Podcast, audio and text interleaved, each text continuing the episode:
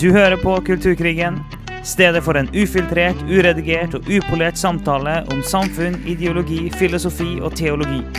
En podkast av og med Steinar Lofnes og Alf Kåre Dalsbø.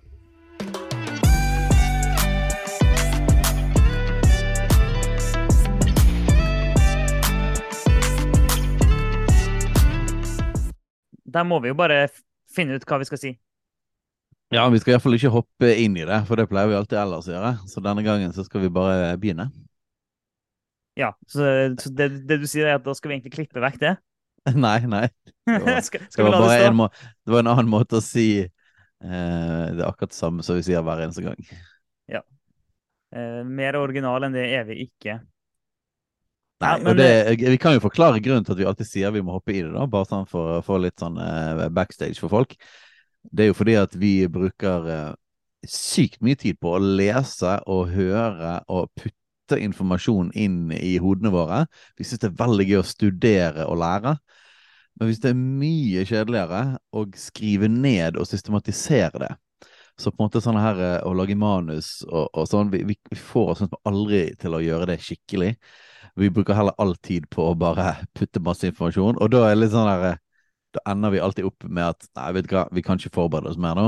Vi må bare ta det vi har inn i hodene våre, og så hopper vi spontant inn i det. Igjen! Mm. Og det kommer til å skje hver eneste gang. Så det er derfor vi sier vi må bare hoppe inn i det. Det, det, er derfor, det er derfor vi sier at det er uredigert og ufiltrert og upolert, og det er en samtale, og det er Det er rett og slett eneste muligheten vi klarer å spille inn podkasten her på, og gjøre det på den måten. Det er klart, Skulle vi ha hatt det veldig, veldig polert, veldig fint og veldig skarpe poenger, og hatt alt ned, og jobba veldig hardt med det, så hadde vi brukt så mye tid på det at ikke vi hadde klart å ha podkasten i det hele tatt. Nei. Og så tar det mer krefter for oss òg. Så det er jo en personlighetsting. gjør- det personlighetsting. gjør det. For at det bare begynner å prate, det tar ikke så mye krefter. Nei. Ja, men så, så derfor så bare begynner vi. Vi fortsetter troen. Eh, kritisk raseteori, rasisme, antirasisme. Ehm, ja, vi snakket om det sist gang.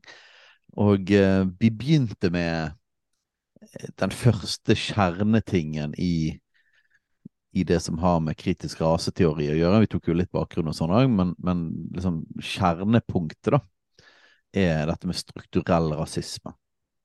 Altså troen på at hele samfunnsstrukturen, hele samfunnet, eh, da spesielt i USA, men egentlig i hele Vesten, er basert på rasisme. Eh, så strukturell rasisme. Alt er gjennomsyrt av det, og rasisme er altså vanlig, pleier de å si. Eh, det er rasisme i alle interaksjoner i absolutt alt vi holder på med, og poenget med kritisk raseteori er altså å avsløre rasismen som allerede er der. Så spørsmålet er Kritisk raseteori handler ikke om å finne eller finne ut om det er rasisme. Kritisk raseteori handler om å pinpointe hva rasisme som faktisk ble manifestert. Mm. Altså, det er underforstått at det er rasisme i absolutt alt, eh, men kritisk raseteori handler om å vise hvordan og avsløre hvordan.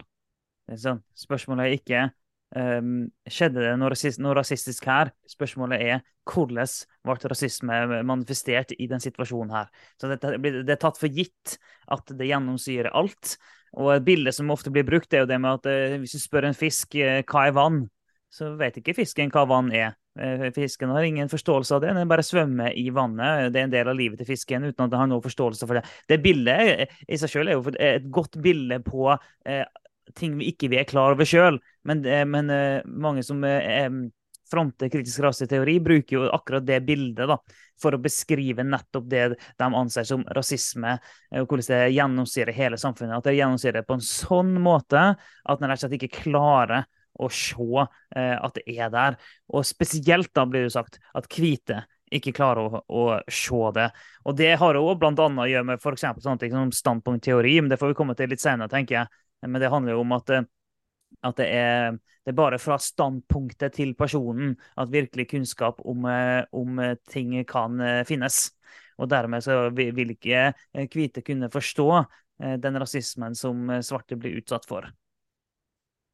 Ja, så, så det er litt sånn, det var hovedpoenget, og vi snakket rundt det, strukturell rasisme, og prøvde å si litt om, Finnes det strukturell rasisme? Har det vært det før? Er det faktisk nå? Og finnes det andre forklaringsmodeller? For eksempel på ulikheter, enn at det må være strukturell rasisme. Så hvis du ikke har hørt den episoden, så gå helst tilbake til den før du hører denne her. Det anbefaler vi. Mm. For nå skal vi fortsette litt, da. Vi fikk egentlig bare tatt det ene punktet i forrige episode, så vi har lyst til å fortsette litt på videre punkter om kritisk raseteori. Ja, og vi nevnte jo eh, litt i forrige at eh, vi må snakke om eh, Altså på norsk så kan vi jo kalle eh, Så vi, sier vi likhet, gjerne. Og kampen mot forskjeller, og det er forskjellige uttrykk på norsk. På engelsk så er det en, del, en, måte å snakke på som går igjen og igjen og igjen. Og igjen. Og det at noen snakker om, snakker om equality, altså likhet, snakker om, om equality of, of opportunity. Altså at alle skal ha like muligheter. Og det er jo egentlig liberalismen, kan du si, da. Klassisk liberalisme, egentlig. Eh, og så er det noen som eh, snakker om equity. De vil ikke bruke ordet equality, de snakker om equity. Og det de da mener med equity, og det, det, her er, det er ikke noe karikering, det her sier de sjøl og equity det er ikke equality of opportunity, det er equality of outcome.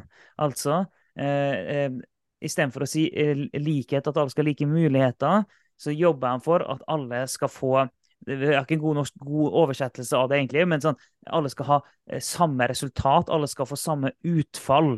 Eh, Så alle, Poenget er ikke å jobbe for at alle skal ha like muligheter, og så får de sine resultater, og det blir det utfallet de får, basert på hva de velger å gjøre med mulighetene de får, som er klassisk liberalisme. Men det at uavhengig av hvem de er og hva de gjør, så skal de lande på samme sted. De skal få samme utfall, de skal få samme resultat. Det er den likheten de snakker om. Så, men istedenfor å si equality, så sier de equity. Og det er sånn, når du hører på engelsk, så er det et ganske sånn tydelig signal på hva det er personen snakker om, hvis den bruker ordet equity. Da forstår du egentlig med en gang eh, hva det er snakk om, og hva perspektiv personen har. Da vet du at personen snakker om eh, likt utfall, likt resultat, ikke like muligheter når man snakker om likhet. Ja, og det er jo vanskelig å ikke trekke linjen tydelig til marxismen på, når vi skal snakke om begrepet equity, eller, eller likhet, likt resultat. Ehm, kommunismen, um, som var jo målet, da, for de som kalles eh, kommunister eller marxister. Det var jo det klasseløse samfunnet, altså det like, der det var likt for alle. Nå snakket uh, de gamle marxistene, klassemarxistene, snakket jo hovedsakelig om økonomi. da. Og så regnet de økonomi som det som på en måte var det som lå i bunn, og så på en måte alle andre deler av livet det ville på en måte følge. da. Ehm, men de drømte altså om og jobbet for å komme til det kommunistiske samfunnet, altså det like samfunnet, der alt var likt for alle. Um, og jeg håper å si på mange måter, men det er jo mer enn det. Altså, eh, begrepet equity er egentlig et nytt begrep for det samme, men man da regner da inn mer enn økonomi, da. Mm. Eh, Så målet er på en måte likhet på alle områder. Eh, Og selvfølgelig, siden dette kommer ut fra nymarxisme, så er det da fokusert på identitetsgrupper. Eh, Mer kanskje enn økonomi. Økonomi er en del av det, men, eh, men det betyr at, alle identitetsgrupper skal ha like forhold, eller på en måte ha det, ha det likt. Eh, så det er en slags kommunistisk drøm eh, o- om likhet, bare med en sånn identitetspolitisk skal vi si, briller på det, eller vinkel på det. Eh, Det er jo egentlig det som ligger under begrepet equity. Og selvfølgelig, det er et mer fancy og nyere begrep, men sånn i tankegodset er jo på en måte veldig likt. Ja, det, det er veldig likt. Og jeg tenker vi må gå litt mer inn der for å vise, forklare litt mer hva det er, og hva det er som er problematisk med det òg. For at fra et kristent eh, perspektiv, da, sånn likhet det er Mye som eh, definitivt går i tråd med, med Bibelen når det gjelder likhet. Vi er alle like høyt elska av Gud, for eksempel. Eh, Så det, det, er en, det er en form for likhet eh, definitivt i, eh, i Bibelen. Ja.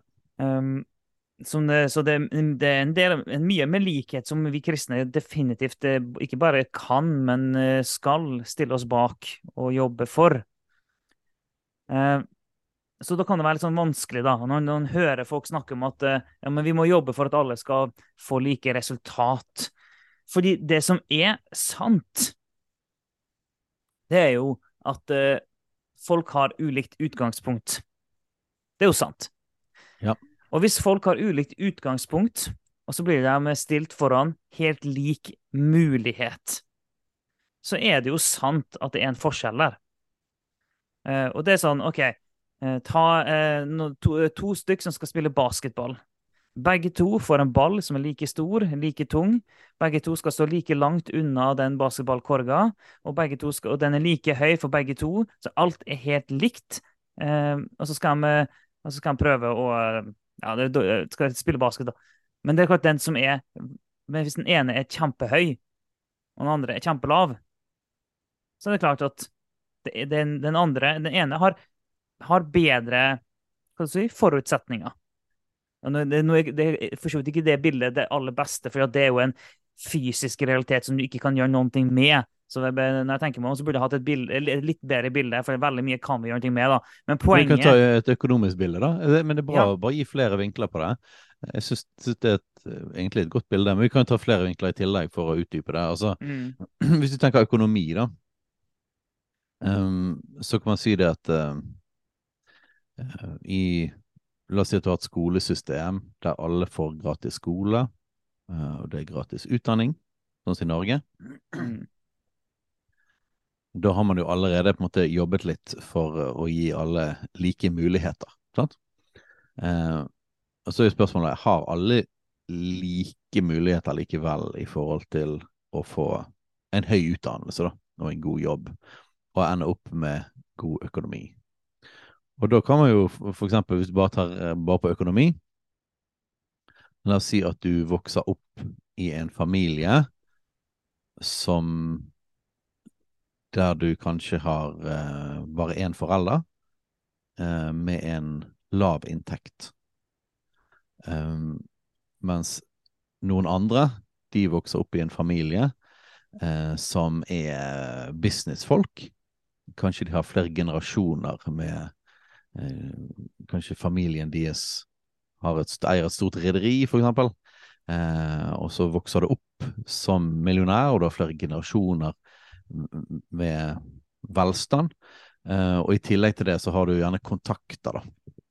Og eh, din far gikk på den samme skolen som du gjorde, og kjente lærerne, og uh, har liksom samme kontaktene. Og så har du den andre, da, som på en måte har kanskje like evner, um, men må da jobbe hardt hele livet. um, for å oppnå samme utdannelse, og kanskje får du samme ut utdannelse, og så skal du få jobb. Um, mens den andre personen har hele liksom, livet vært i hele det miljøet, blitt tatt med på jobben til pappa, du måtte ha kontakter fra før av, og du begynner allerede med økonomi i bunnen, liksom, og du begynner Altså, vil de to ha like muligheter reelt sett til å få den samme jobben, for eksempel? Uh, og da vil jeg tenke at nei, jeg tenker det er klart at du har en fordel hvis du vokste opp i en rik familie og en, mm. en viss sånn verden, så vil du ha en fordel inn i den verden. Uh, mer enn den, den, andre som vokste opp, kanskje måtte jobbe ekstra tidligere. Uh, du hadde, du måtte, hele livet så har du måttet jobbe mye, mye hardere for å komme til det samme stedet. Mm. Og det er litt sånn, For å ta et annet eksempel. Jeg, jeg vokste opp med en mamma som er lærer. Det er klart det hjalp meg når jeg uh, jobba med ting hjemme.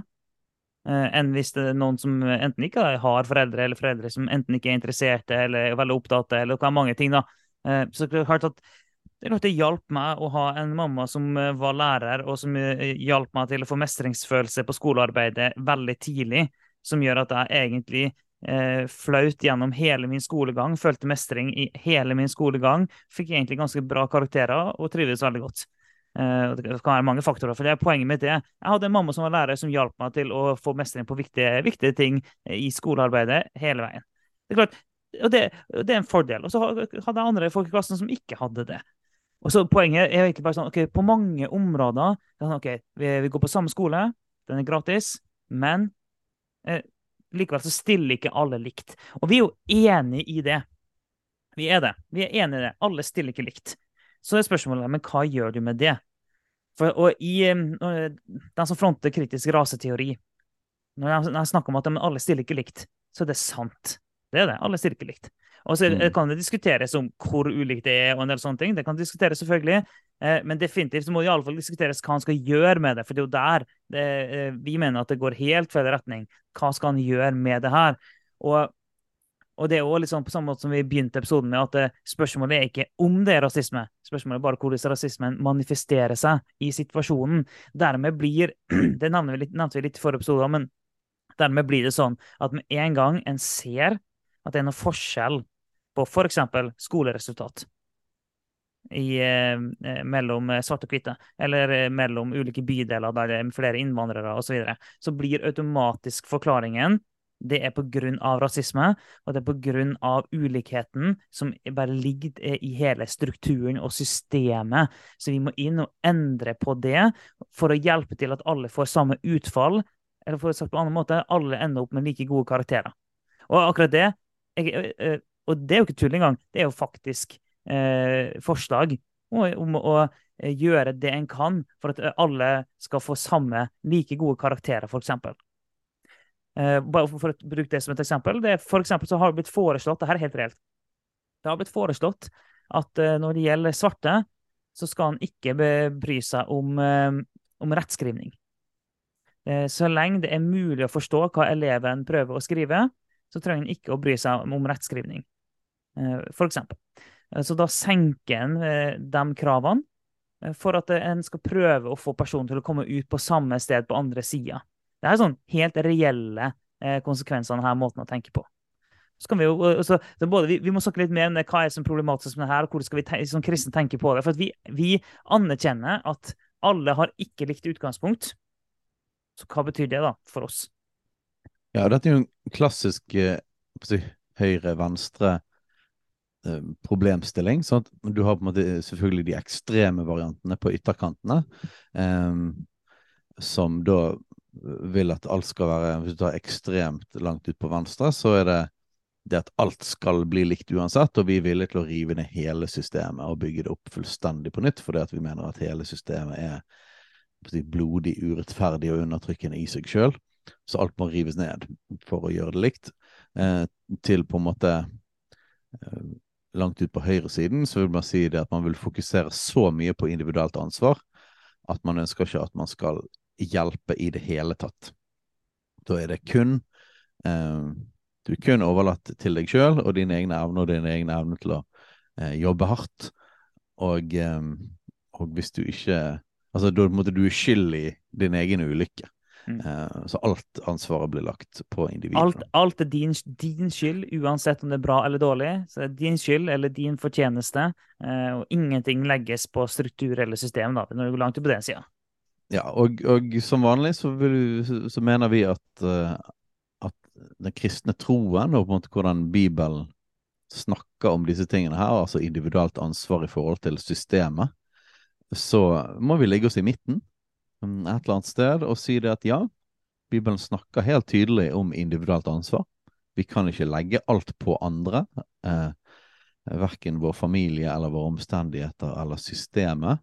Eh, til og med om vi har mer vanskelig utgangspunkt, så vil vi likevel ha et, et ansvar som individ.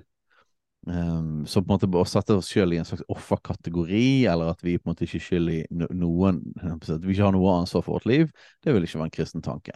På andre siden så kan vi heller ikke uh, gå med på, uh, på en slags sånne hardheter i at ingen skal hjelpes, og at alt som skjer med folk livet deres egen skyld.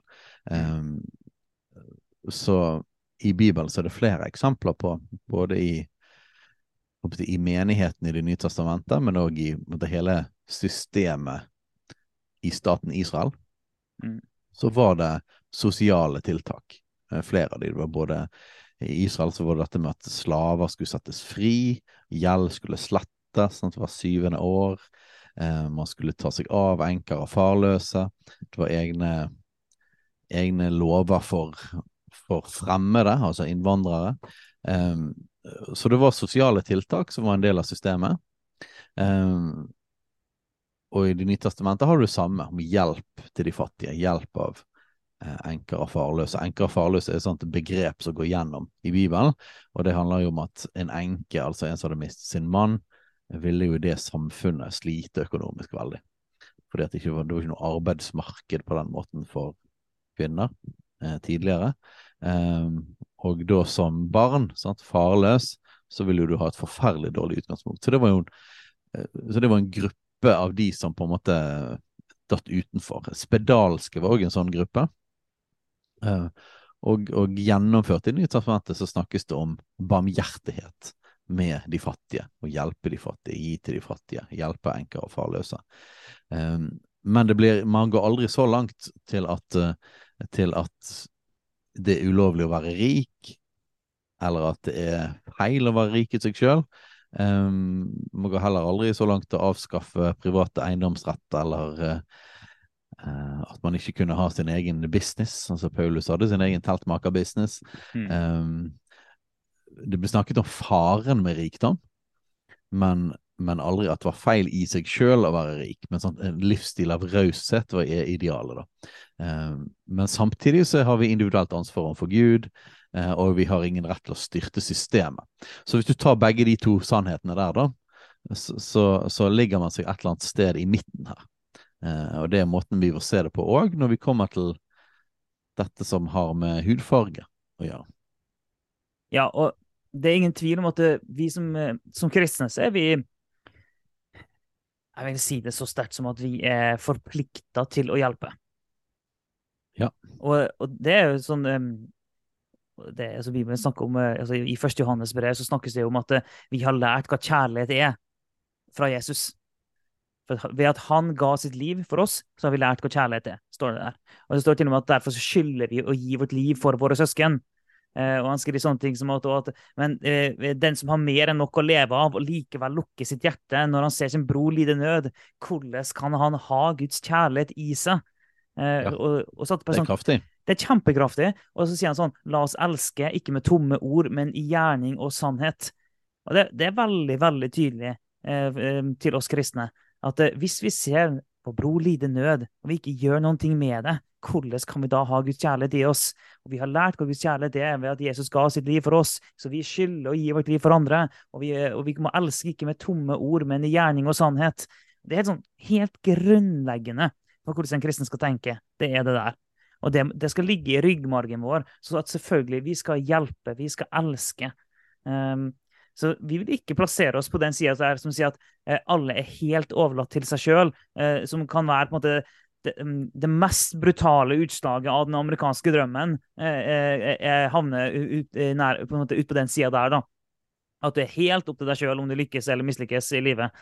Eh, og der, der virker vi vel. Vi skal virkelig gjøre det vi kan for å hjelpe. Men, men, det at vi som kristne er forplikta til å elske og hjelpe og lindre nød, det betyr ikke at de som eh, hjelpes, er fritatt for sitt ansvar. Det betyr det ikke. Og det her Vi må klare å se at det er forskjellige ting. Og Bibelen er veldig tydelig på at sånn som vi sår, sånn skal vi høste. Det er et bibelsk prinsipp. Og Da, da, da sier det seg sjøl at hvis vi ikke sår, så kan vi ikke høste. Eller, så, eller sår vi dårlige ting, så høster vi dårlige ting. Så har vi gode ting, så høster vi gode ting. Og eh, Bibelen er veldig tydelig på at vi skal forvalte det vi har fått, de talentene vi har fått, f.eks., som Bibelen snakker om. Eh, så helt klart at det finnes et individuelt ansvar til å forvalte det en har, de evnene en har, de ressursene en har. Det er et individuelt ansvar, ikke et kollektivt ansvar. Det er et personlig, individuelt ansvar å forvalte det riktig. Og det kan aldri tas vekk fra individet. Og hva en, hva en, sår, er jo et individuelt ansvar som aldri kan tas vekk fra individet, på akkurat samme måte som at frelsen kan aldri tas vekk fra individet. Det er et personlig, individuelt valg du tar om at du vil gi ditt liv til Jesus. Det vi, kommer vi aldri unna. Og det, det, Vi må klare å holde begge deler oppe. da. Ja, folk har ulikt utgangspunkt. Ja, vi er forplikta til å hjelpe og lindre nød. Og ja, folk har et personlig ansvar for sitt liv. Bare fant ennå et sånt uh, heftig bibelvers i forhold til det med rikdom. Jakobs brev. Jakob er ganske ram. Han er ram. Dette er jo en av lillebrødrene til Jesus. Uh, han er ganske ram i forhold til dette her med de rike og sånn. Så bare for å lese én ting, bare for å understreke en av mange skriftsteder som også handler om dette her med um, at, Sånn som det du leste fra, fra 1. Johannes brev, at hvordan kan Guds kjærlighet være i dere hvis dere ser folk som lider uten å hjelpe dem. Um, og her er det rett og slett en dom over riket da, fra Jakob. Altså, det står i Jakob 5.1 eh, og noen vers der. Og nå, dere rike, gråt og klag over all ulykke som kommer over dere.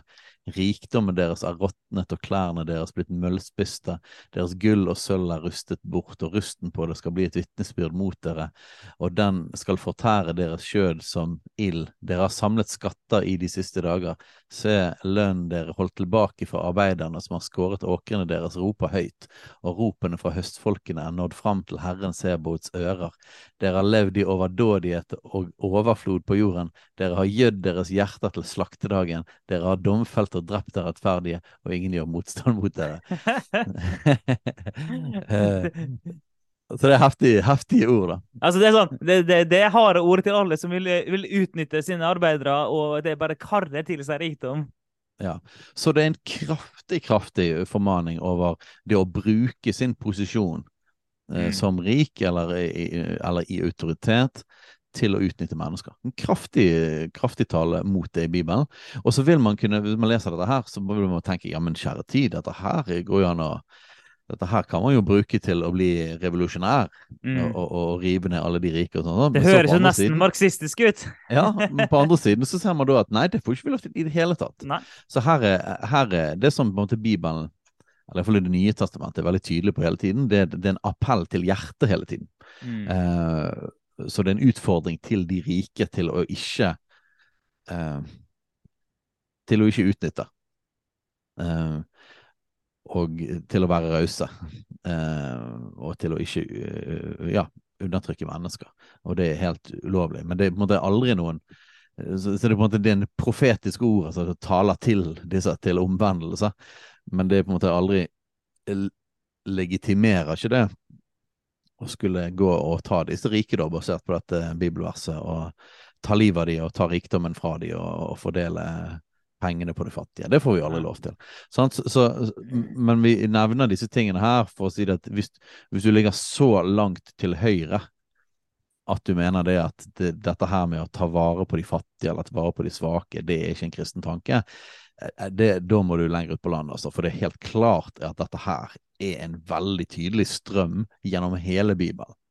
Eh, men samtidig så er det sånn at hvis du går for langt til venstre igjen, og, og, og eh, du vil eh, Ja, du tenker at alt handler om systemet, det er inget individuelt ansvar, det handler ikke basically om synden, osv., osv., så, videre, så, så du, kommer du heller ikke til et kristent svar på denne utfordringen.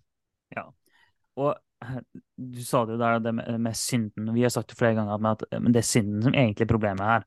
Ja, rasisme er et problem der det skjer, men alt kan ikke skrives ned til rasisme. Eh, selv om kritisk raseteori gjør det til det. Gjør til at alt handler om rasisme. Eh, men, mens vi vil jo si at, eh, at alt handler egentlig om synden i menneskets hjerte. Og det er der det først og fremst må gjøres en jobb fra Jesus.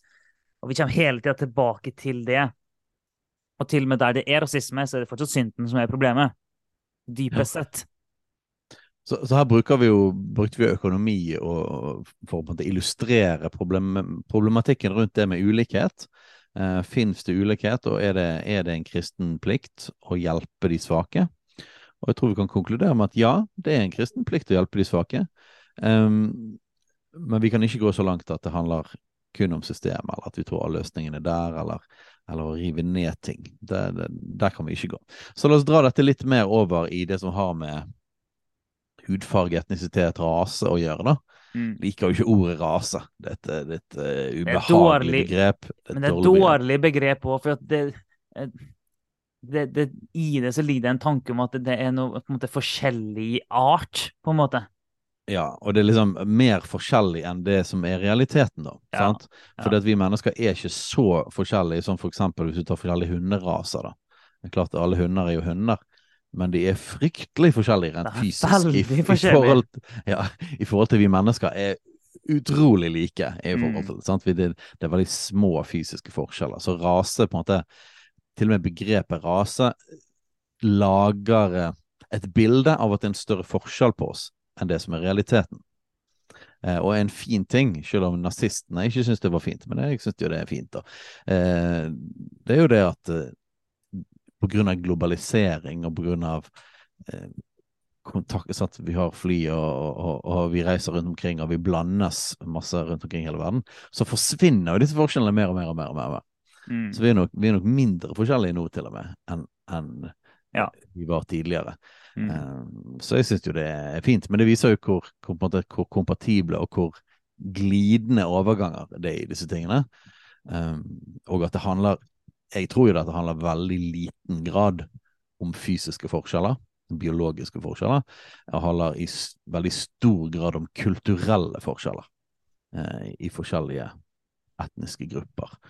Eh, Men uansett, vi, vi, vi er inne i liksom prinsippet Vi er tilbake igjen til, til utgangspunktet, som var dette med equity, eller dette med at alle skal få et likt resultat, altså kampen for det, eh, som er en sånn kjernetanke i kritisk raseteori. Eh, Og da tolker de, tolker de det sånn at hvis det finnes ulikheter i resultat for forskjellige etnisiteter, da, forskjellige hudfarger, så er det et bevis på strukturell rasisme. Og da er svaret å avsløre denne strukturelle rasismen og å dismantle the system, altså på en måte plukke fra hverandre, dekonstruere systemet og endre det. Og for at man skal komme da fram til en equity, eh, så er en av systemendringene som man tenker at man må gjøre, er å legge inn fordeler til de som har et dårligere utgangspunkt. Og vi har etablert det at det finnes forskjellige utgangspunkt. Mm. Eh, og vi har òg etablert at det er en kristen tanke å hjelpe folk. Og til og med hjelpe de som har dårligere utgangspunkt, for hele enklere og farløse-greien er jo det. Altså farløs-begrepet i Bibelen er jo da hjelp de ekstra fordi de har mye dårligere utgangspunkt enn dere som ikke er farløse. Så, så det er jo en helt sånn direkte sånn her gi ekstra hjelp til de for at de skal få det lettere. Men så er jo spørsmålet, da. Det store spørsmålet er hvor mye skal man hjelpe? Og hva slags type hjelp, da? Og hva slags type hjelp? Og hva det... er egentlig resultatet av det? Ja, Og, eh, og er det egentlig et mål at vi skal få likt resultat, da? ja, for, ja ikke minst, ikke minst, sant. Eh, og det, vi, vi liker jo ofte å ta konklusjonen vi først, da, men vi, vi, vi tror ikke det er eh, riktig å tenke at alle skal ha likt resultat. Eh, og jo, jo mer vi går inn i det, jo mer merker vi at det, det gir ikke mening å tenke sånn. Det er jo en ting. Men, vi, men det handler også om at vi tror det er faktisk er en kristen tanke at, eh, at det blir ulikt resultat fordi en forvalter ting ulikt. Eh, fordi en tar ulike valg. Og som kristne så tror vi på det, at vi, at vi forvalter våre talenter og ressurser ulikt, og det får konsekvenser. Vi sår ulikt, så vi høster ulikt. Det, det er, selv om det kanskje kan høres hardt ut for noen, så er det sånn ja, men det er, det er bare sånn det er. Altså, det, det er sånn verden er skapt. holdt jeg på å si. Det er De valgene vi tar, har konsekvenser. Gode valg fører til gode ting, dårlige valg fører til dårlige ting. Ikke som et sånn én-til-én-forhold, det er ikke det jeg sier, men som et sånn prinsipp. Så, så vi tror ikke på det, at det er en kristen tanke om at alle skal lande på samme sted uansett. Og bare tenk, da. Det store, store spørsmålet, holdt jeg på å si. Frelsen. Alle havner ikke på samme sted, uavhengig av hva du gjør. Vi kan ikke hjelpe folk til frelsen. Det finnes en frelse, det finnes en fortapelse. Det er jo grunnleggende kristen tanke. Grunnleggende i Bibelen. Og der også hadde det vært riktig å tenke at eh, vi skal hjelpe alle til samme resultat, så hadde, ikke, så hadde det vært eh, eh, Altså, vi kan ikke applisere det på frelsen. Der er det faktisk sånn at det valget du tar, har konsekvenser for hva resultat du får i evigheten. Det er bare for å ta, ta sånn eh, heftig på en måte eksempel på hvordan eh, vi ikke kan tenke på den måten. Ja, og jeg tenker, Men- tror ikke du at til og med Vi må bare ikke hoppe ned den eh, den rabbit trailen der, men, men tror ikke det egentlig at motstand mot budskapet om fortapelse, og at faktisk ikke alle er frelst automatisk, kommer til og med fra en sånn likhetstanke, gjerne en sånn Mm. marxistisk tanke om at Ja, ja. forskjell i resultat er på en måte så uproblematisk at da må vi på en måte avskaffe den. Så en del av den liberale teologien som, som ikke takler den biten, tror jeg nok òg kommer fra marxistisk tankegang, egentlig. Mm. Ja da, for det, det er gjerne på samme måte som at eh, en tolker da eh, Vi sa det at hvis en, en tolker forskjell, eh, det, det blir automatisk Ja, det er rasisme. Men en annen måte å tenke på er at bare sånn forskjell i seg sjøl, uansett om det er rasisme eller ikke, det er bare feil. Og det, I økonomisk marxisme, kan du si, så klassisk marxisme, så var det økonomisk forskjell. Det gikk, på, det gikk ikke, på rase. Så denne tanken om at forskjell er alltid feil uansett hva det er, og uansett årsak Forskjell er per definisjon feil, punktum. Det er ikke noe mer å snakke om. Det er alltid, alltid, alltid feil. Det det. Og det, det, er klart at Hvis en tenker det, hvis en kjøper det konseptet, så er det klart, da, det, da blir det helt feil at noen blir frelst og noen ikke. Uh, ja, og, og, og, veldig vanlige ting på venstresiden er jo å kalle forskjell uh, for urettferdighet. Altså, vi kjemper ja. for rettferdighet. Det betyr at rettferdig Det høres veldig fint Ja, men rettferdighet, ja, det er vi jo for. Mm. Men nok en gang, da må du grave et eh, liksom, lag under. da. Ok, Hva er definisjonen din av rettferdighet? Og hvis du forstår det sånn at rettferdighet er at alt er likt, så er jo det litt annerledes definisjoner av å kjempe for rettferdighet enn hvis du mener f.eks. at uh, som Bibelen òg da sier, nå tok vi noen bibelvers som, uh, som viser at vi skal ta oss av de fattige og de som lider nød, de som har det vanskelig. Men, men, for å ta noen andre ting, du nevnte dette med at den, det du sår, skal du høste. Eh, så det betyr at det du får tilbake igjen, da, er tydeligvis forskjellig mm. ut fra hva du legger inn. Um, så vil jo si, hvis du tror på det prinsippet, da, så vil du si at uh, det er faktisk rettferdig at det er forskjellig, hvis man mm. har lagt forskjellig i det. Og det mm. tror jeg ganske mange er enig i, da, med mindre du er veldig marxist. Så er det sånn at La oss si at du står ved siden av noen som jobber skikkelig hardt, og så den andre eh, jobber ikke hardt i det hele tatt, og så får du det samme. Da vil jo folk oppleve det som urettferdighet, ikke rettferdighet. Mm. Eh, så å si at du kjemper for rettferdighet, eh, så må vi òg da gå det nivået under og se hva er din definisjon av rettferdighet. Er det total likhet? Som kristne så vil du si det at målet er ikke nødvendigvis total likhet. En, et element er altså denne her at det er det, hvordan vi forvalter, og hva vi gjør med det, hvordan vi jobber, vil faktisk avgjøre, være én av de store faktorene. Vi kan si Det sånn, det er ikke den eneste faktoren, men det vil være én av de store faktorene i hvor du ender opp hen. Eh, selv om du kan ha forskjellig utgangspunkt, så kan du likevel forvalte det du har. Og, Jesus har en lignelse på dette her, med, med, at han En som gir sine arbeidere talenter. Talent var jo da eh, Begrepet talent er nok tatt ut fra det eh, på norsk, men, men, talent var, var en altså det valuta, myntenhet. Eh, så han ga de forskjellige eh, tjenerne sine eh, forskjellig mengde eh, penger, da, ressurser. Så der ser du med, en, med en gang at den lignelsen eh, sier det at vi, for, vi, får forskjellig. Altså vi har, vi, vi har forskjellige utgangspunkt.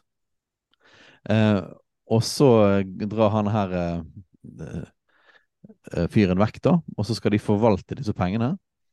Og så ender de opp, eh, to av de da, de som fikk mest, faktisk, ender opp med å tjene penger. Så de, de klarer å forvalte disse pengene de fikk, på en god måte, og ender opp med dobbelt, eh, dobbelt så mye. Og da er han veldig happy. Sjefen er veldig happy med deres forvaltning. Og så det er det faktisk den som fikk minst, og det er utfordrende med den historien for oss norske sosialdemokrater. Eh, han som fikk minst, han var så redd for å ikke forvalte det bra at han gravde ned sitt talent. Så han bare ga den tilbake. Og da ble jo sjefen skikkelig sint. Eh, og sa det at det var elendig, du burde ha forvaltet den bedre. Så, så i den lignelsen så ligger det jo både en en, en, slags erkjennelse av at vi har forskjellig utgangspunkt. Vi har fått forskjellig utgangspunkt, og forskjellige gaver, til og med. Talenter. Um, men så har det finnes en forventning da, om at vi forvalter det bra. Ja. Uh, og at det finnes en lønn av å forvalte ting bra, og det å ikke forvalte det bra er faktisk veldig negativt. Ja, og um, for å utfordre det litt, da, eh, for å vise uh, hvordan uh, i Bibelen viser oss ulike perspektiv. Og Vi må klare å holde de ulike perspektivene oppe, og da får vi sannheten. Så Du har én sannhet på ene sida, en annen sannhet på andre sida, men klarer du å holde begge to, så får du sannheten sammen. Og Det er derfor vi må kjenne Guds ord, sånn at vi klarer å balansere. Og Det er òg grunnen til at vi så ofte sier at kristne vil eh, i veldig mange ting havne i midten. Mm. Um, for der, Det er helt sant, det du der sier. Der er det da ulik eh, lønn på, på, en måte ut, ut, fra ulik forutsetning.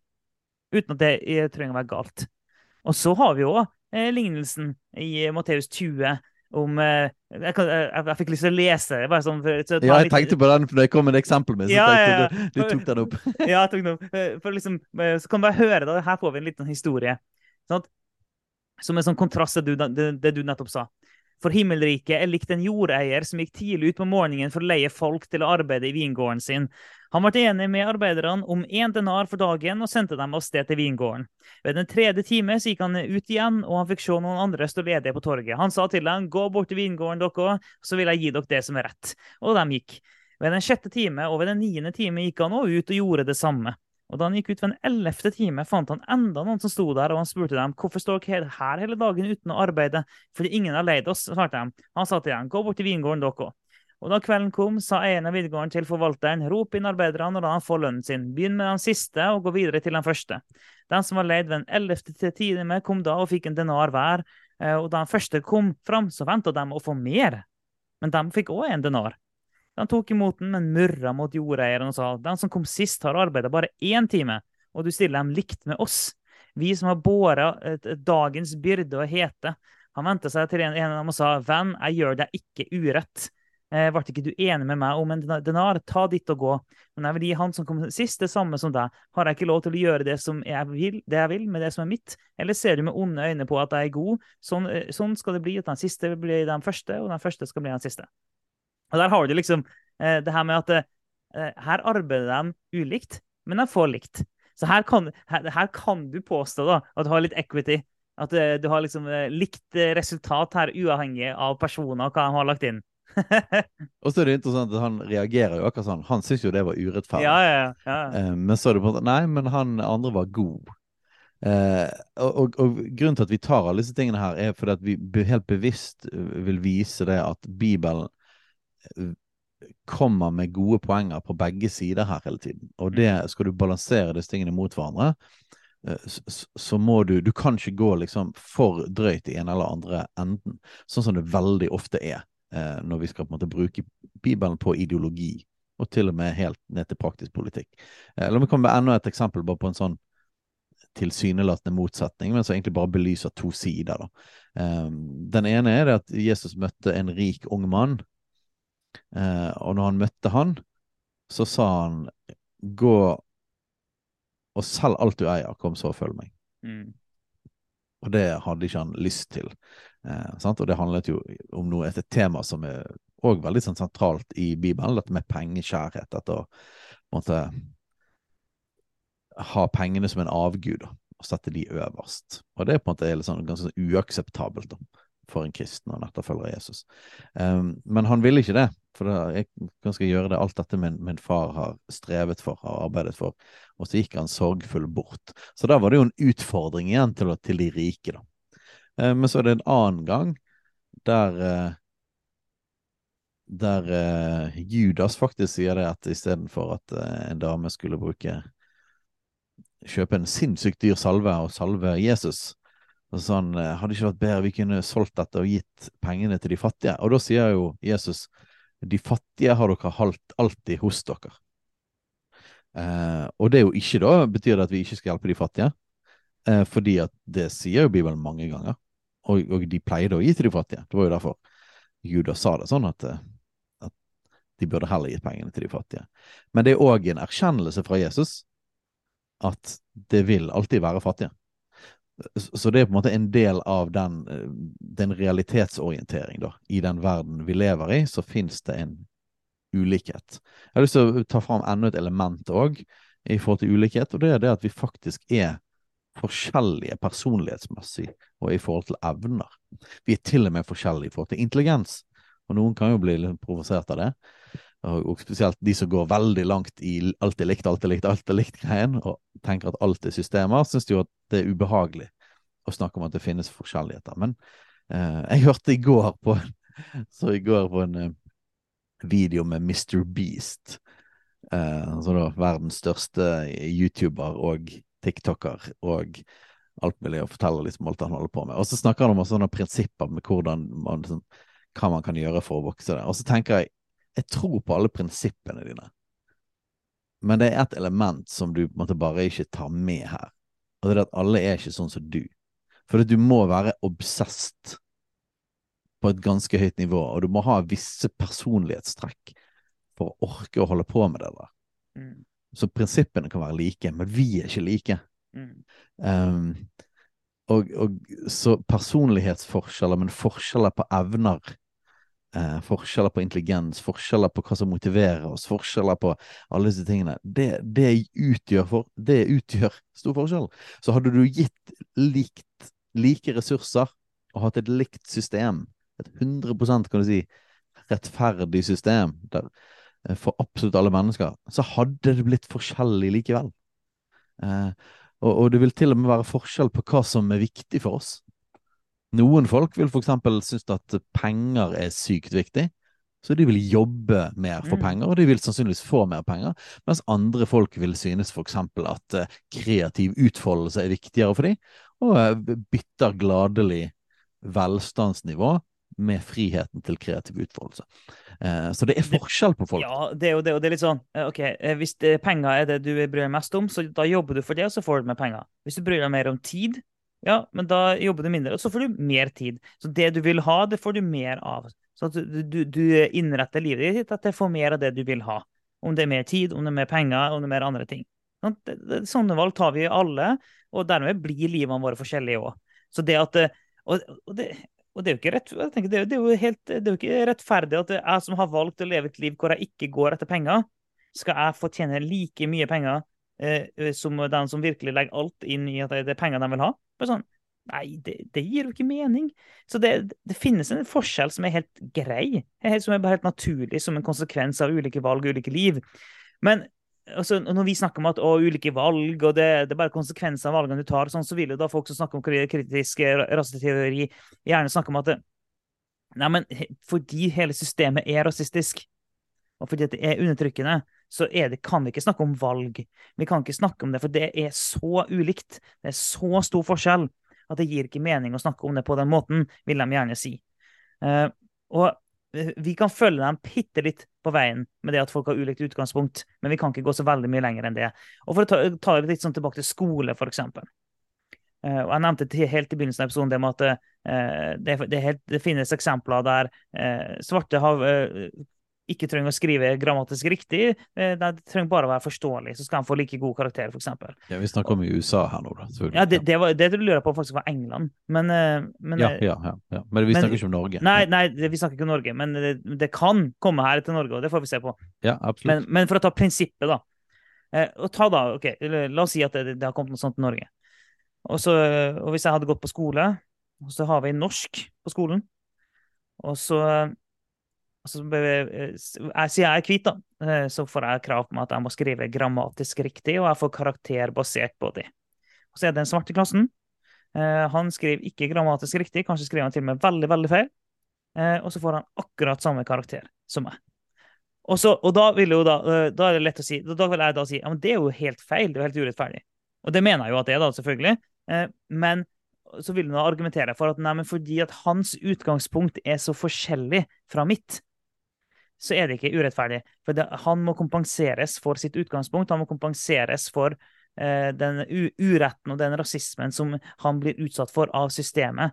Derfor, derfor må han løftes opp, og det, han må få andre eh, Det må legges til rette for at han kan få det samme utfallet som meg. Han kan få samme resultatet som meg. Så hvis jeg skriver helt riktig norsk og får fem, karakteren fem, så må han òg få karakteren fem, eh, men det stilles andre typer krav. Og så, Det er på en måte tanken bak. da. Og så vil noen tenke at ja, men det er, det er fair, det, fordi at han blir utsatt for så mye mer urettferdighet. vil noen tenke. Eh, og så vil Jeg da, jeg tenker på det i forhold til det vi snakker om at ja, vi kristne vi skal hjelpe. Men det kommer helt an på hva hjelp vi gir. For det første så vil jeg si at det er jo ikke hjelp i det hele tatt å stille for helt, helt andre krav. For når han da kommer ut i arbeidslivet, f.eks., eh, så vil han jo ikke klare seg. Eh, Det er jo ingen arbeidsgiver som leser en søknad fra en person er med, med, med grammatisk språk som er helt ute å kjøre, som har lyst til å ansette den personen. Så egentlig så har han gjort personen en bjørntjeneste, og det er ikke kjærlighet. Det har egentlig ikke hjulpet personen, og det, har faktisk, det er faktisk ikke kjærlighet til personen reelt sett. Det er jo en sånn ting, da. Eh, At så veldig mye av den Og da vil, hjelpen- mene, da vil man jo mene at til og med hvis du bare følger den tanken, da, mm, eh, og så er det jo helt, helt riktig at i systemet vårt så vil ikke det gå. Men da vil du si ja, men det òg er feil. Så da må du gjøre en systemforandring til og med i ansettelsesprosessen. Ja, nettopp. Det, det, det blir jo Eh, neste sant? steg, da. Ja, Da blir det neste steg, for da, da skal folk inn da på tross av det likevel, og man kvoterer eller sånn. Og så vil jeg si ok, så så du kommet da så langt. Men så ja, men det vil ikke funke likevel, for når de begynner å jobbe med dette, hvis de ikke er like gode som de andre på det, så vil jo ikke det funke likevel. Ja, men, ja, nei, men da må du eh, gjøre en systemforandring der, sånn at sjefen vil forskjellsbehandle eh, folk med forskjellig utgangspunkt, sånn at det har ikke noe å si. Du kan få samme stilling, samme posisjon og samme lønn uten at man har den samme evnen til Mm. arbeide. For man, så man, man tenker det equity betyr kompensasjon i alle ledd av systemet. Altså vi har et totalt system der vi alltid jevner ut, sånn at det blir likt resultat. Ja, og det er akkurat dit jeg var på. Det med eh, konsekvensen av å tenke sånn eh, For det første er det ikke kjærlighet. Det er faktisk ikke det. Men konsekvensen av det er at du må i neste ledd så må du forandre systemet for å få det til å passe. For, for da å unngå en urettferdighet og en såkalt rasisme i neste ledd.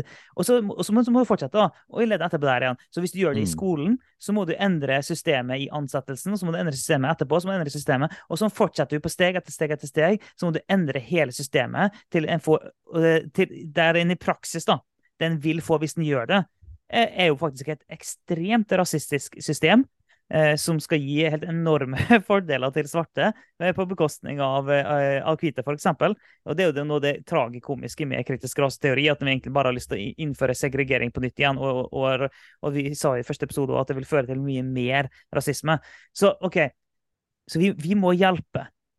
Men det, alt annet hvordan vi hjelper, så forandrer hele systemet på den måten. Jeg tror vi fører virkelig til avgrunnen, og det skaper rasisme istedenfor å fjerne rasisme. Men hvis vi anerkjenner at folk har ulikt utgangspunkt U men, men da, da, uavhengig av om det, om det er en svart person eller ikke, si at ok, gå tilbake til at det er min norskklasse. Og uavhengig av personen er svart eller ikke, men bare at personen eh, eh, sleit mer med grammatikken enn meg. Hadde det da vært riktig at en person fikk ekstra oppfølging til å lære seg grammatikk? Mer oppfølging enn meg? Ja, da snakker vi. Da Mm. snakker vi at vi hjelper den som har, har større utfordringer. Og det kan være mange Mm. grunner til at de har utfordringer, og det kan til og med være visse eh, strukturelle grunner også, til at folk har ulike typer utfordringer. Det kan finnes.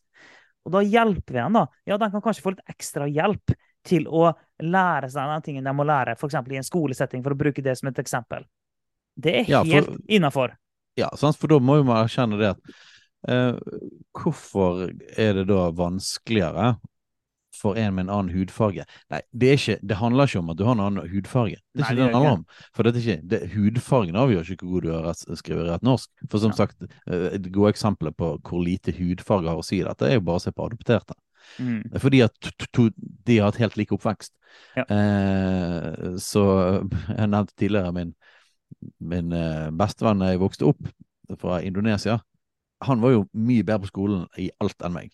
Mm. Eh, og da mye bedre norsk. Han skriver bedre norsk enn meg nå. Har alltid skrevet bedre norsk enn meg. Mm. Eh, Så, så, så hvor mye melanin du har i huden, avgjør ikke hvor, hvor god du er å skrive norsk. Men det som er forskjell, hvis du, hvis du for eksempel i Norge, og tar hele norske eksempelet, er jo at hvis du vokser opp i en innvandrerfamilie der foreldrene ikke snakker norsk, så er det klart at du har dårligere utgangspunkt for å skrive norsk. Altså Det er jo helt åpenbart. Og da ønsker vi jo, for vi ønsker jo at ikke nødvendigvis at resultatet skal bli helt likt, for det har vi jo liksom etablert, at, at, at hvis du tar de to ytterkantene igjen, for vi prøver å måte dra folk tilbake til tankegodset her, og så ta praktiske eksempler. Så øh, helt på venstresiden, eller i, i, hvis du tenker marxistisk eller kritisk raseteori, så vil du si at målet er equity, det er helt likhet i, i resultat uansett, og man er villig til å basically rive ned og totalforandre hele systemet for å få likt resultat. Hvis du går litt sånn mer moderat inn, kommer liksom på sosialdemokratisk eh, nivå, liksom Arbeiderpartiet, så er man villig til å legge masse tiltak inn.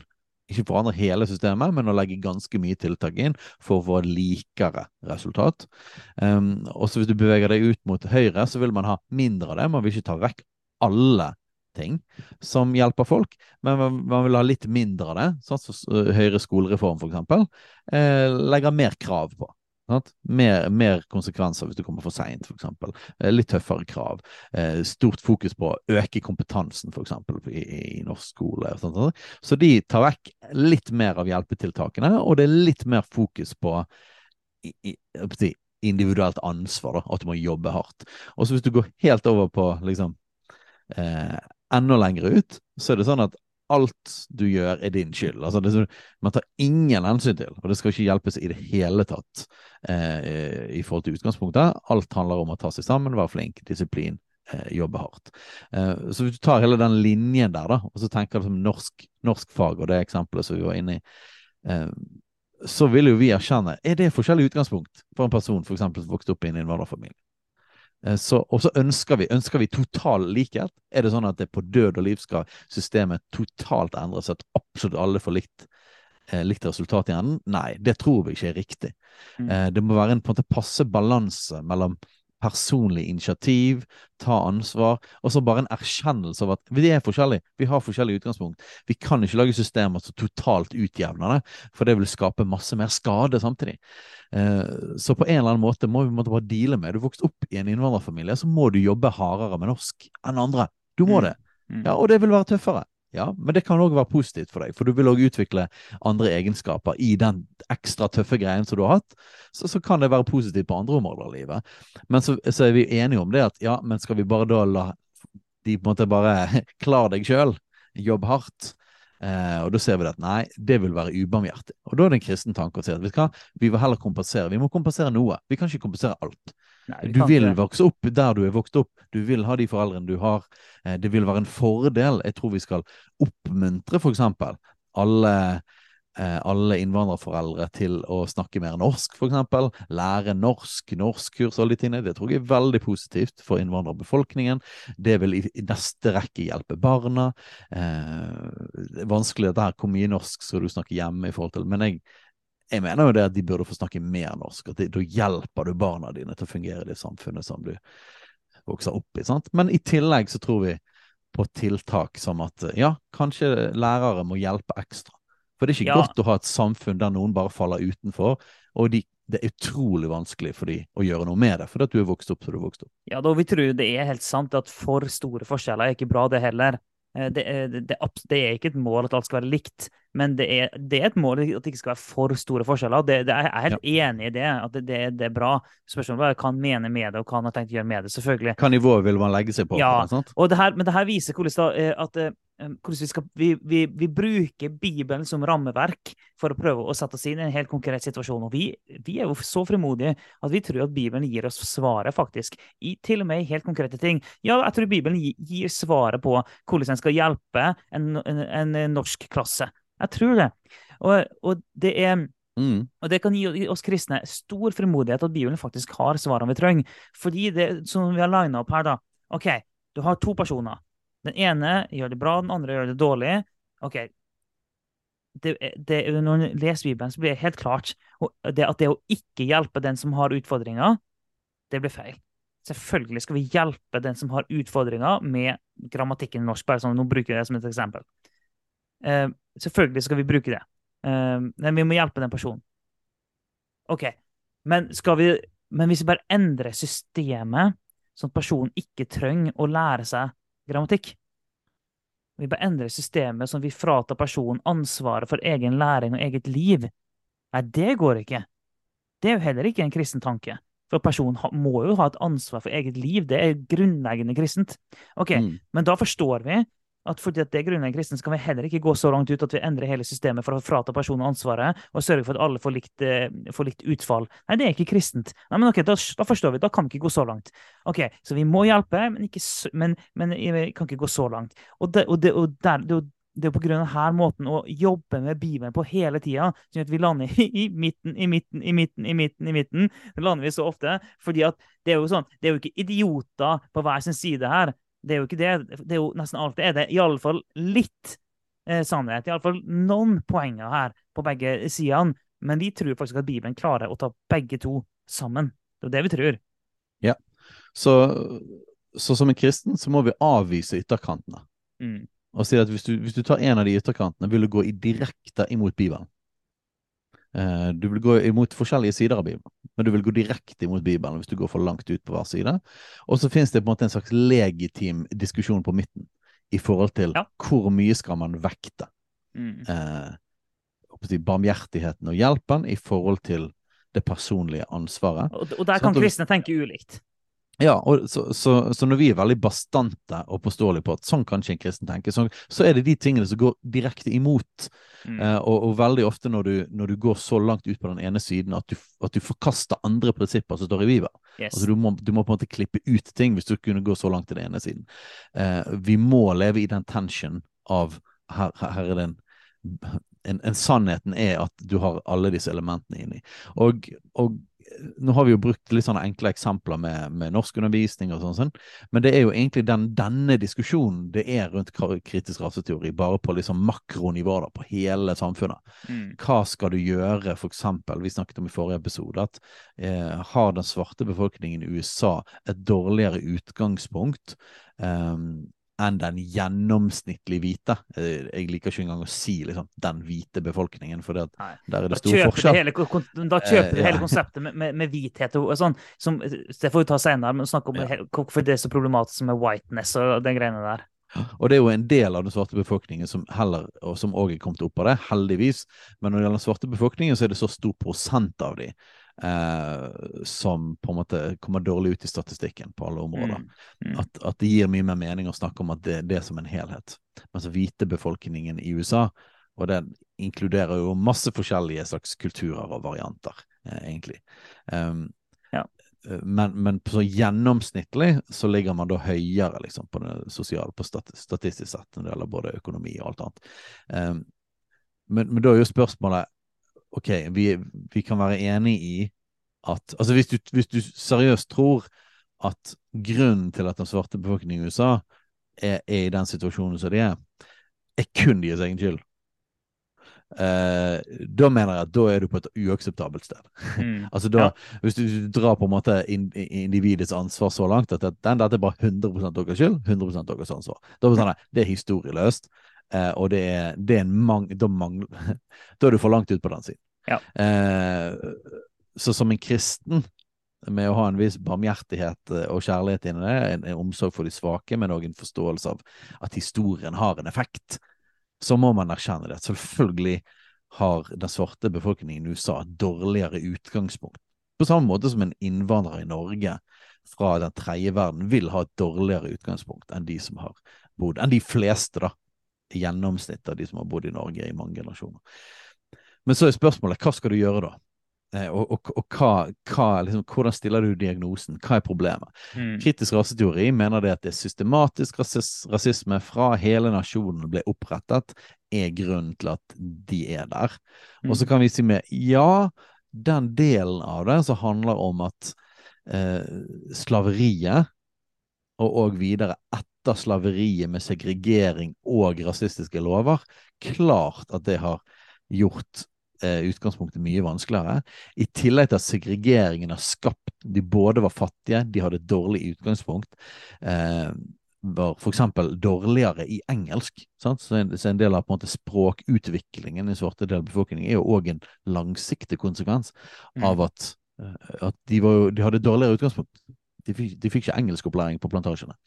Eh, så det måte blitt en egen sånn subdialekt. Eh, en egen sånn, variant av engelsk eh, i den svarte delen av befolkningen, som har også en konsekvens av slaveriet. Men putter du alle disse folkene sammen, eh, og at du har seg, hatt segregering i lang, lang, lang, lang tid i USA, eh, og at de fleste av disse er fattige, så er det klart at, at terskelen for kriminalitet, terskelen for, eh, for en destruktiv kultur der, og jo mye, mye lavere i den delen av befolkningen. Eh, så du kan spore alle disse tingene. Så det en, eh, finnes det konsekvenser fortsatt i dag av systematisk rasisme? Ja. Og da kommer jeg til neste punkt. da. Bør vi da gjøre noe for å hjelpe? Jeg Mm. tror at et kristent svar er ja. Det bør vi gjøre. Ja. Hvis, du, hvis, du, hvis du går for langt ut på høyresiden og sier nei, ikke i det hele tatt, de må bare klare seg 100 sjøl, sånn nei, Det, det, er ikke kristentaket. Eh, det, Mm. Jeg tror ikke du kan stå der sammen med Jesus og bare være litt sånn helt Nei, dette er deres problem. Det, det, det, det tror jeg du hadde slitt med. Men, men da kommer jo det neste spørsmålet. Ok, hvor mye da? Er det å rive ned hele det amerikanske systemet? Kan vi gå med på at hele landet Mm. USA er bygget på rasisme, og at alt sammen må dis bli dismantled? Nei, det er ubalansert. Mm. Eh, det er USA var faktisk et av de landene som har vært pionerer på frihet eh, og på likhet og på muligheter for alle. eh, og sånn i verdenshistorien. Så det er historieløst. Vi kan ikke gå dypt inn i det nå. Eh, men, eh, Nei, vi, men vi, må nesten, vi må nesten avvise at, at hele systemet er rasistisk to the core.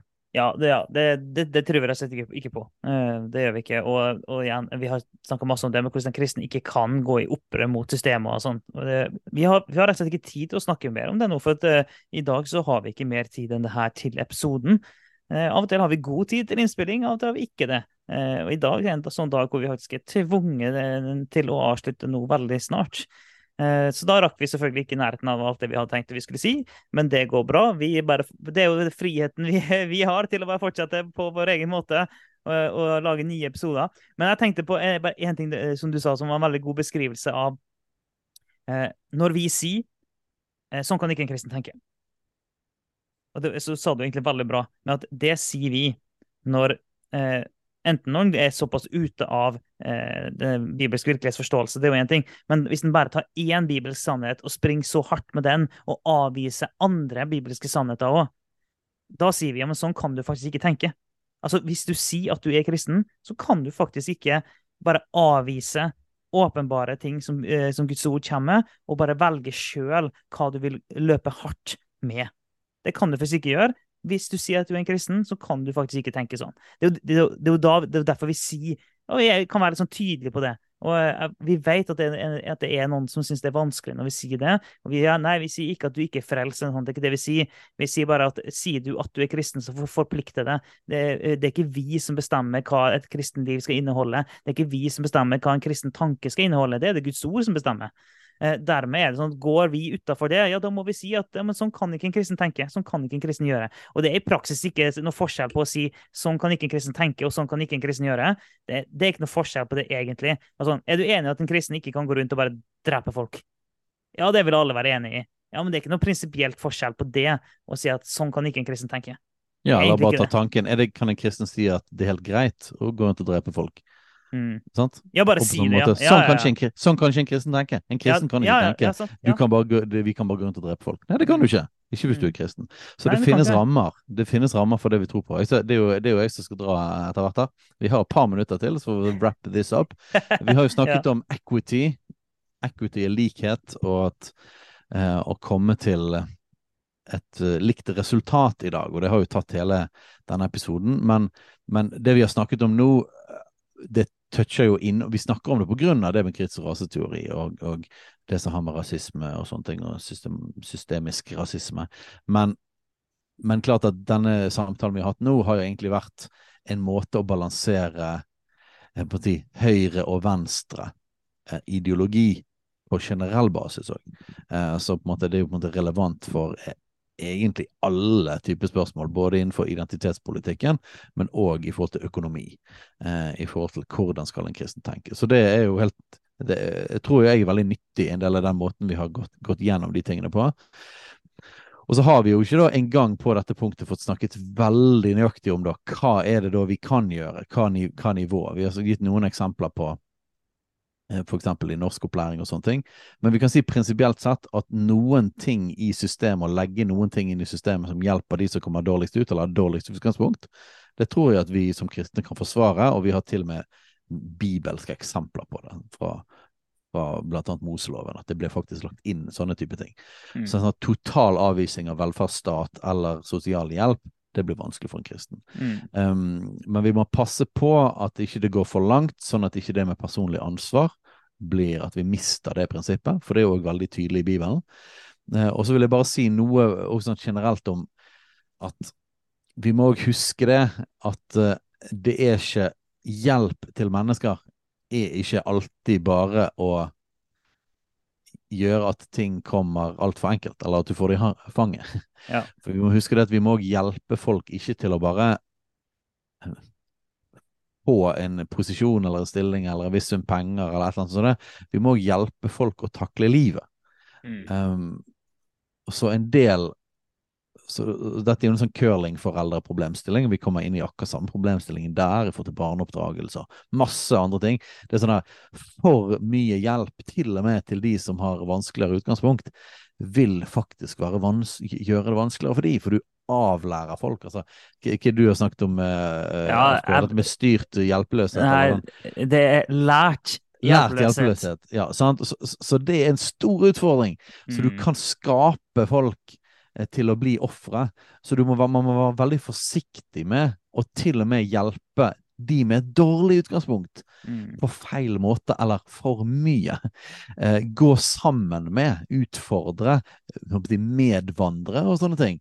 Eh, da, kan du på en måte både hjelpe, motivere og, og, og, og samtidig at folk må ta sitt personlige ansvar. Eh, men å gi alt opp i hendene på folk har jo ikke vist seg å fungere så godt gjennom historien. Nei, det, Eh. det har ikke det. Og det der må alltid balanseres ut. Og som jeg nevnte tidligere, sånn, det er ikke kjærlighet å bare eh, Alt vi gjør for å hjelpe, er ikke nødvendigvis kjærlighet. For å hjelpe det egentlig. Og det her med lært hjelpeløshet, som jeg syns er et uh, utrolig godt uh, bilde på det, det er jo ting som Ellen har lært meg fra Hun jobber jo som sykepleier. Der, og jeg har helt sikkert sagt det her før i podkasten, men jeg syns det, det er veldig, en veldig god beskrivelse av det. Uh, sykepleiere de lærer det at hvis en pasient kan gjøre det sjøl, så skal den gjøre det sjøl. For hvis sykepleien går inn, det her gjelder på sykehus, det her gjelder på sykehjem, det her gjelder hjemmesykepleien Hvis, eh, hvis, eh, hvis sykepleien går inn og kler, eh, hjelper en, en pasient med å ta på seg genseren når han egentlig klarer det sjøl, så gjør de pasienten sykere. Altså, en ting er jo sånn ressursbruk, og alt det greiene der, men de gjør faktisk pasienten sykere, og de lærer pasienten hjelpeløshet. Eh, og det er en helt feil måte å hjelpe på. Da hjelper du faktisk ikke, du gjør pasienten dårligere. Og det er det vi mener med at, at vi, og samme måte med, norskundervisning. Hvis du ikke hjelper personen med å lære seg grammatikk, du bare eh, du justerer, du forandrer systemet så personen ikke trenger å lære seg det. Så, du, så det er lært hjelpeløshet, og du har egentlig gjort personen i hermetegn sykere og dårligere. Og det funker ikke. Ja. Og en del av det som eh, La oss avslutte der, da. Eh, Vi får fortsette på kritisk raseteori neste gang, og i dag har vi hoppet inn i mange dypere prinsipper som egentlig handler om marxismen. Eh, og eh, vi kan si det sånn at det er en god del av, av svarte i USA er illsinte på kritisk raseteori. Eh, fordi at de har nemlig, spesielt da folk som har tatt valg, hadde et dårlig utgangspunkt. Mm. Kanskje vokste opp i vanskelig familie, vanskelige kår, hadde eh, på en måte dårligere muligheter. Men så måtte de jobbe hardt, og så tok de de rette valgene. Og så jobbet de hardt, og så kom de seg ut av det. Og Det betyr ikke at alle kan klare det, eller at det er enkelt for alle, men noen gjør det. Mm. Eh, og så har de klart å komme seg ut av det, og så har de øh, på si, har på si, tatt en klassereise, da. Eh, og så har de fått barna sine inn. Dette er veldig mye når det har vært et foreldreopprør mot kritisk raseteori på skoler i USA. Eh, så har de gjerne klart å få barna flyttet til et bedre område, så har de barna sine inn på en privatskole. Og så plutselig så sitter de der, og så får barna deres lære kritisk raseteori, og at de er et offer. Og så Mm. blir jo de illsinte, for de må si at dette er det totalt motsatte av, av det hele det som var min drivkraft for at vi kom oss ut av det. Og det Nemlig vi vil lære våre barn. Vi prøver Ja, å lære og så våre lærer barn det de motsatte. våre barn å tenke Ja. på den måten. Ja. Eh, og, og, og dere har jo faktisk vokst opp i en god familie. Dere vokser jo faktisk opp som rike eller middelklasse og har alle muligheter enda lettere enn jeg hadde. Mm. Og så fòrer man inn en sånn type ideologi inn i deres sinn, som er det motsatte av det som hjalp meg ut av det, nemlig at jeg måtte ta ansvar og jobbe hardt. Ja. Eh, og det er ufattelig provoserende, spesielt for svarte som har kommet seg ut av ting, eh, når dette blir lært til deres barn. Eh, og, og det handler akkurat om dette her. Hva er det som egentlig er hjelp eh, til folk? Og eh, ja. Vi må rett og slett bare si to be continued med kritisk raseteori, rasisme, antirasisme. I neste Yes. uke. I neste uke. Ha det bra.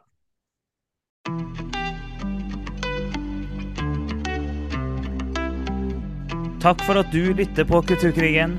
Om du har tilbakemeldinger, spørsmål, hva som helst egentlig, Send inn til postalfakrøllkulturkrigen.no eller på sosiale medier.